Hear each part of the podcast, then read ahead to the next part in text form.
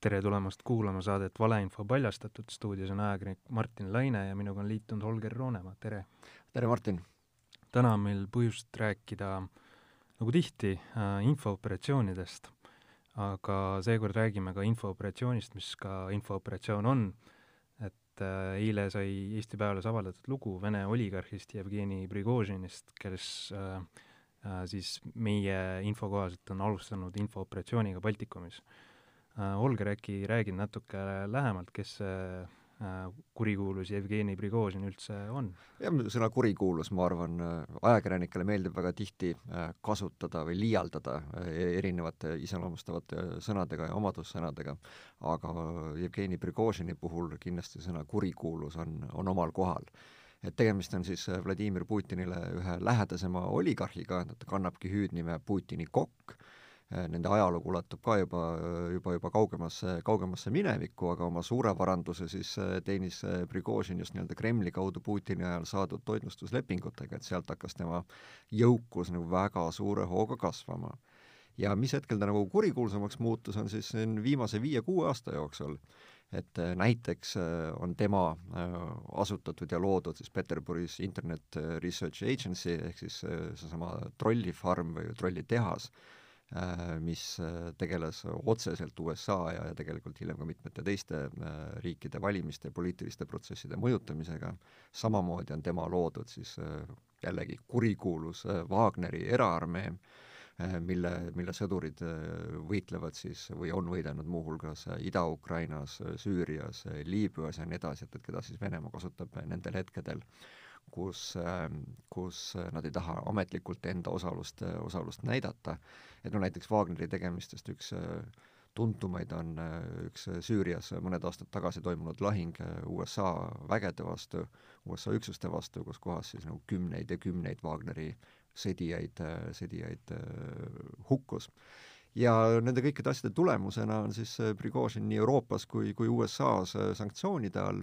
ja, ja vähe sellest, et alles eelmisel nädalal siis pani FBI ka ta oma enim tagaotsitud inimeste nimekirja ja kakssada viiskümmend tuhat dollarit on välja pandud siis äh, sellele inimesele, kes oskab FBI-le anda, anda infot, et ähm, et äh, kust Prigožin kätte saada. ja mis on selle kuri, mis on selle tagaotsimisteate, eelmise nädala üles pandud tagaotsimiskuulutuse juures huvitav, on see, et, et FBI ütleb siis, et Prigožin on muuhulgas seotud äh, otseselt Eestiga, et milles see Eesti seos seisneb, nad ei ava, aga, aga millegipärast toovad nad seda välja jah, et kui keegi tahab rikkaks saada ja on teda kuskil Eesti tänavatel näinud, siis andke aga teada ja, ja veerand miljonit. ei maksa ise kinni pidama minna just, et need trolliarmeed on ka ilmselt üks põhjuseid, miks, miks ta üldse tagaotsitav on, et seal FBI kodulehel on info, et, et peamiselt on ta tagaotsitav siis USA valimistesse sekkumise tõttu Äh, seetõttu on ka palju küsimusi selle kohta, et kuidas on Prigožin seotud üldse Venemaa hu-, Kremli huvidega. jah, nagu meil sedasama lugugi tehes äh, Indrek Kannik, tänane Kaitseuuringute, Rahvusvahelise Kaitseuuringute Keskuse direktor ja, ja veel hiljuti Välisluureametis äh, kuidas see oli siis, analüüsijuhina töötanud, töötanud mees ütles, et, et seesama Prigožini nii Wagneri kui, kui IRA trollivabriku tegevust või Prigožini käitumismuster on see, et ta on läbi põimunud äh, läbi põimunud ja, ja väga sarnane Venemaa eriteenistuste omaga, et et ei maksa luua illusioone, et, et, et ta tegeleb nii-öelda enda, ainult enda isiklikes ärihuvides äh,, kuna tegelikult Vene oligarhide ärihuvid on, on, on väga otseselt seotud sellega, et, et millised on nende suhted Kremliga. Jah, et oligarhide ja Kremli suhted on alati sellised, et äh, Kremlil on justkui võimalik öelda, et see on mingi eraasi ja meie sellega seotud ei ole, aga tegelikult äh, mine tea, mis seal taga on äh,. Lähme jaanuarisse Äh, Saksamaal pidanuks toimuma selline konverents nagu Baltic Sea Region Strategic, Strategic äh, Dialogue ehk siis äh, Läänemere regiooni strateegiline dialoog. just, ja aga see konverents siis äh, koroonaviiruse tõttu toimus äh, peaasjalikult veebis äh,, seal oli ka Eesti esindaja äh,, Äh, väga toredad jutupunktid olid seal, saime teada, et Eesti on ja Baltikumi regioon on üldse väga tore selline innovatsiooni hub äh, kogu maailmas, et äh, ja kõik selle juures justkui on tore, et aga mis, mis selle dialoogiga, selle konverentsiga siis häda on? jah, no pealtnäha on tegemist täiesti süütu konverentsiga, et ma vaatasin noh, mitmeid äh, nende esinemisi, mis, nendel toimunud esinemisi, mis on Youtube'i üles pandud ka, ma arvan, et, enam, erandit, enam-vähem eranditult kõik äh,, vaatasin neist äh, head mitmed läbi ja kui nüüd keegi paluks mul teha selline kolmeminutiline kokkuvõte, et, et millest selles konverentsil räägiti, et siis ma ei suudaks seda teha, et ütleme ausalt, tegemist oli tegelikult väga igava konverentsiga. Et seal ei olnud ühtegi sellist äh, salakavalat plaani käidud välja, ma ei tea, kuidas Eesti või, või teised Balti riigid peaksid NATO-st või Euroopa Liidust lahkuma või, või kuidas äh, kõikidele mittekodanikele tuleks anda automaatselt Vene kodakondsusega, ega ühtegi sellist nii-öelda konspiratiivset äh, plaani seal ei olnud mis ei tähenda, et, et tegemist ei oleks olnud teistmoodi tähelepanuväärse üritusega selle konverentsi korraldajad olid kenasti maskeerunud jällegi ühe, ühe Leedu, äh, Leedu naisele kuuluva äh, Briti ettevõtte Admis Consultancy taha, samamoodi üks Saksa kaubandusorganisatsioon või assotsiatsioon, lühendiga BVA, ma ikka ei hakka, ei hakka, ei hakka seda isegi välja, välja lugema mitte, et nemad olid väidetavad korraldajad, aga meie kogutud tõendid näitavad, et, et siis nii-öelda väidetavate korraldajate taga tegelik korraldaja on siis sellesama Putini koka Jevgeni Prigožini äh, Äh, nii-öelda väga lähedased kaastöötajad äh, Peterburist ja me saime selle kohta ikkagi nagu väga-väga otseseid tõendeid. et mis oli selle konverentsi eesmärk, selle konverentsi eesmärk on tegelikult äh, suhtevõrgustiku loomine. et Prigožini puhul me ei ole varem sellist väga aktiivset Eesti huvi näinud, avalikult vähemalt mitte, et, et väidetavalt ta midagi on korraks siin nagu proovinud või vaadanud siiapoole, aga, aga me ei ole näinud, et neil tegelikult puudub siin, siin selline päris oma võrgustik ja, ja nüüd nad hakkasid sellega, sellega tegelema, et, meie partnerid Dossieri keskus, uuri-, uurimiskeskus, kellega, kellega koos me seda projekti ette valmistasime, et nende allikas ütles, et, et, et seesama korraldajatel on praeguseks loodud juba kahesaja viiekümnest inimesest koosnev võrgustik, kellest hea hulk inimesi on tegelikult pahaaimamatu, et ka nemad ei saa aru, et, et millega, millega nad seotud on. et äh, see kõik seondub taaskord selle peene sellise kommunikatsioonimudeliga, mida Vene propaganda on tegelikult ka muudes valdkondades kasutanud, et kui me vaatame näiteks, ma ei tea, Sputniku või Riia Novosti või mis iganes Vene kanaleid, siis me ju tegelikult ei saa iga artikli kohta, mis seal nagu avaldatud on, öelda, et näed, et see on kuri propaganda, see on kuri propaganda, et see foon ongi pigem nagu loodud selleks, et tekitada sellist usaldusväärsust ja ma saan aru, et selle äh, konkreetse konverentsi eesmärk oli luua siis usaldusväärsust. just täpselt, et, me teame, et tegemist oli esimese üritusega mitmetest üritustest äh, plaanitud, äh, plaanitud reas, me teame, et, et järgmine,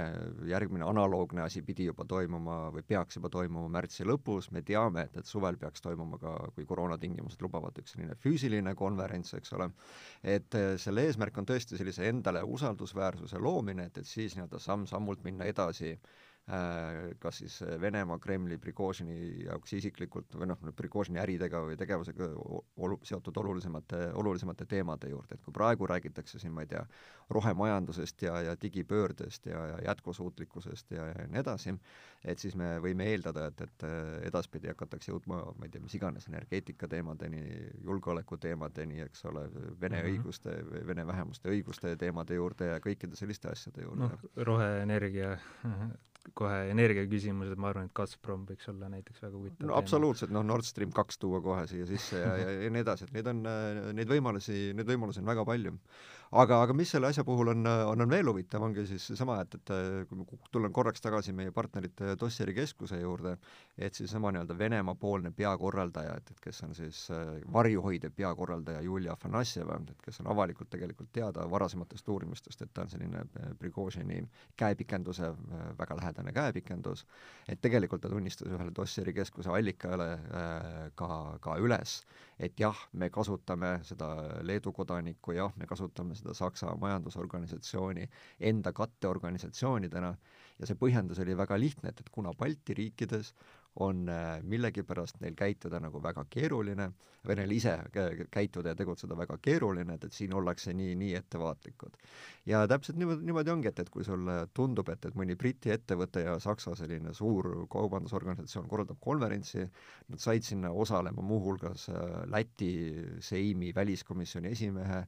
ääre pealt oleks pidanud osalema seal Leedu asevälisminister, Eestist osales siis üks Keskkonnaministeeriumi nõunik, seal osales mitmeid Bundestagi saadikuid ja, ja nii edasi, et see on täpselt noh, kõige klassikalisemas mõttes sellise credibility ehitamine, et kui juba järgmine konverents tuleb, on neil võimalik näidata see referents ära, et, et kui inimesed otsivad, guugeldavad, vaatavad, mis on toimunud varem, et nad näevad, et, et, et oo, et kuule, see on ju nagu mingi, mingi päris asi. Äh, oskad sa ka ennustada, et mis sellest äh, ürituste sarjast äh, tulevikus saab, et kui me siin Eestis võib-olla oskame nagu hoiduda, kas, kas, kas see üle-euroopaline tähelepanu, et kuidas sellega võiks olla? No punkt üks, tegemist oli üle pika aja, nii palju kui mina olen, ma olen nagu üksjagu tegelenud erinevate Vene ja Kremli infooperatsioonide ja propagandakampaaniatega, et minu hinnangul on tegemist üle pika aja ühe, ühe tegelikult professionaalsema ettevõtmisega, mis meie suunale on, on sihitud. et enamasti me oleme näinud, et sellised nii-öelda äh, äh, kuidas nüüd, ma ei tea, viisakalt öelda, juba aastakümneid äh, tegelenud siin nii-öelda põlve otsas nikerdanud äh, initsiatiivikesi ja, ja mingeid, mingeid asju, et, et äh, mis nagu lonkavad igatepidi, aga see praegune asi oli igal juhul professionaalne, et, et oli nii korralduslikus, administratiivses mõttes kui, kui ka selles, kuidas nad tegelikult, kuidas nad tegelikult saidki juba ju osalema äh, täiesti, täiesti okeid tuntud, tuntud inimesed ja niimoodi, et, et nad ei olnud ise sellest aru saavadki küll aga äh, noh, ma olen, ma olen ikkagi küllalt enesekindel, et, et pärast meie eilset lugu, et, et mida lisaks meile avaldasid ka ju noh, Leedus äh, Delfi äh,, Saksamaal ARD ja Die Zeit tulevad kohe välja oma lugudega, USA-s The Daily Beast, eks ole, ja, ja, ja noh, loomulikult seesama Dossier Center, et ma usun, et nendel inimestel ja sellel initsiatiivil on siin nüüd kriips peal, et nad on äh, nii-öelda valgeks löödud, et nad ei saa enam äh, samamoodi jätkata. ja noh, mis nüüd edasi saab, ma ei tea, nad võivad üritada ja proovida, aga, aga nende taust on nüüd teada äh,, või siis hakatakse otsima uusi selliseid äh, frontorganisatsioone, et, et kelle kaudu midagi, midagi samalaadset uuesti korraldama hakata. aga see õnneks äh, võtab jällegi rohkem aega, vaeva äh, ja uusi inimesi leida ei ole lihtne ühesõnaga jah, et uh, uuriv ajakirjandus tegi oma tööd ja ma arvan, et uh, see ka töötas. aga lähme te teise teema juurde, et uh, tahtsime ka rääkida ka maski kohustusest ja, ja siin huvitavatest arengutest viimasel ajal, et uh, meil on maski kohustus juba seatud kahekümne neljandast novembrist möödunud aastal ja huvitaval kombel alles nüüd on hakanud äh, see teema justkui nagu päevakorda jõudma või jõudis siis äh, sel nädalal, eelmisel nädalal, kus siis äh, erinevad kuidas öelda, kaubanduskeskused äh, hakkasid tegema kampaaniat või reklaamima. no see on nende enda väga otseses isiklikes ärilistes huvides, sellepärast kui nad ise ei tee seda, siis äh, teeb riik seda nende eest ja riik teeb seda nende eest niimoodi, et paneb kaubanduskeskused kinni jah, et, et seetõttu ma tahtsingi sellele natuke tähelepanu juhtida, et äh, tegelikult oleks pidanud seda kõike tegema juba novembrist saati, et on olnud minu meelest algusest peale selle maski kohustusega see probleem, et kuidas me seda nagu jõustame. et äh, juba kohe selle kohustuse äh, esimestel päevadel sai välja öeldud, et ega meil tegelikult nagu vahendeid ei ole, et seda nagu jõustada, et me trahvi ei tee ja tegelikult see on nagu rangelt äh, soovituslik. just täpselt, minu meelest on siiamaani suurel osal ühiskonnast, äh, sealhulgas minule, täpselt arusaamatu, et, et kas, ka mida see kohustus siis tegelikult tähendab, et kas mul on kohustus, kui ma ei käi, kas Kaubanduskeskuse turvameestel on õigus äh, mind mitte sisse lubada ilma maskita, kas kellelgi on õigus mulle trahvi teha ja nii edasi. ja, ja kui, kuna siin on nagu nii suur ebaselgus äh,, siis on ka, ka lihtne nii-öelda provotseerida erinevaid, erinevaid sündmusi, mis sotsiaalmeedia abil äh, väga kiiresti väga viraalseks lähevad ja et siin kindlasti saadi suurepäraseid ideid ja tahtlikult või tahtmatult töötas väga hästi sel nädalal siis juhtum Rocca al Mare kaubanduskeskuses, kus kolmekümne nelja aastane mees läks kähmlema siis äh, turvameestega, kes üritasid talle meelde tuletada, et meil on maskikohustus ja üritasid seda ka jõustada äh,, läks see sõnavahetus läks väga jõuliseks, seal pandi käiku väidetavalt siis äh, rusikad ja ja lasti ka gaasi mehele näkku.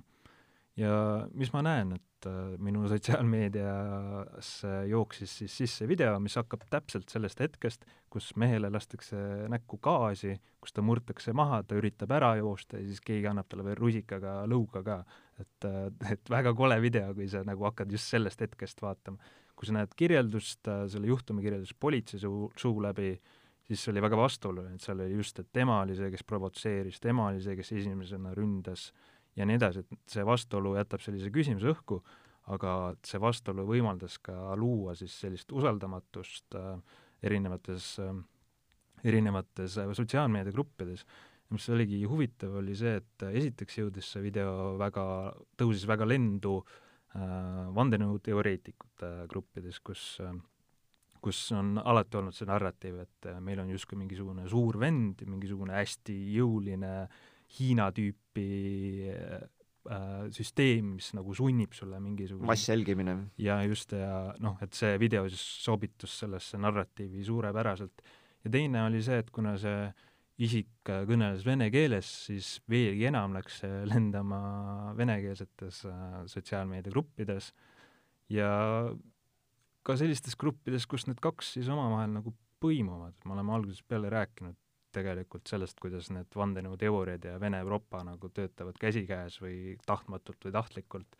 et äh, oli näha, kuidas nagu mõndades gruppides olidki nagu kordamööda Eesti kommentaarid, Vene kommentaarid, et selline tõeline lõimumisprotsess, kus siis, kus siis vandenõuteoreetikud ja Vene sellised äh,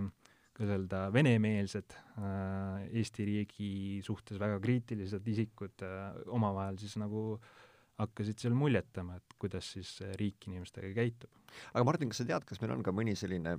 õigusliku pretsedendi või, või mingi näide olemas, et mis ütleb, et, et kuidas siis, millised õigused siis kellel tegelikult on uh,? No mina saan aru, et lugesin siin doktor Carri Interi õigusteadlase arvamust, et uh, ilmselgelt, et aga see nagu arvamus lähtus nagu rohkem sellest ähm, era siis äh, kuidas öelda, eramaa siis huvidest või kuidas, et kaubanduskeskusel on justkui õigus sätestada enda mingisuguseid reegleid ja neid ka jõustada, et äh, kui nad ei soovi, et keegi rulatab, kui nad ei soobi, et keegi sööb jäätist, on ju, äh, poe siis minu keskusse ei tule? jah, et siis neil on võimalik niimoodi ka öelda, et aga minu jaoks ongi see huvitav, et, et ähm, et see on nagu sisereegel, et see ei ole, ei oleks justkui seotud selle, selle üleriikliku olukorraga või selle välja kuulutatud maskikohustusega. ma saan aru, et äh, Reformierakond äh, valmistab ette ka e eelnõud, mis võimaldaks tegelikult äh, maskikohustust jõustada. praegu ma saan aru, et on ka võimalik trahvida vist äkki ainult ettevõtjaid et äh, ma ei ole no vot, just sellepärast ma tegelikult, äh, tegelikult sinu käest küsisin ka, et, et äh, me kõik siiamaani nagu arvame ja, ja, ja kuidagi nagu eeldame, et meil peaks siin ikkagi tekkima väga kiiresti nagu täiesti ühene arusaam, et, et kõik teavad, et nii turvamehed teavad, mida nad tegelikult tohivad teha, nii, nii kaubanduskeskuste ja poodide pidajad teavad, nii, ma ei tea, mina maskikandjana poes tean umbes, et kui mul on vaja kellelegi kui ma tahan kellelegi öelda, et kuule, et äkki paneks selle maski ette, et, et, et mis mm -hmm. siis, mis siis, kas tal on tegelikult see kohustus või mitte, kui ka loomulikult kõik need äh, samad, ükskõik kas siis nagu hingelised, hingestatud skeptikud mingitel põhimõttelistel põhjustel või siis lihtsalt provokaatorid teavad, et mis mis see tegelikult tagajärg olla võib. et neid inimesi, noh, mis see olukord siis, praegune olukord kaasa on toonud, seda ongi see, et sotsiaalmeediagruppides justkui näeb mingisuguseid väga huvitavaid äh, konstruktsioone siis vandenõuteoreetikute poolt, on ju, et ala lähme siin sajakesi, lähme nüüd kõik kaubanduskeskusesse ilma maskita, teeme niisuguse aktsiooni. et äh, väga, väga selline keevaline olukord, et, et kui see lõpuks nii ka peaks minema, et ma muidugi ei tea, kui väga, noh, need sellised postitused, agiteerimised, saavad ülipalju äh, meeldimisi, jagamisi,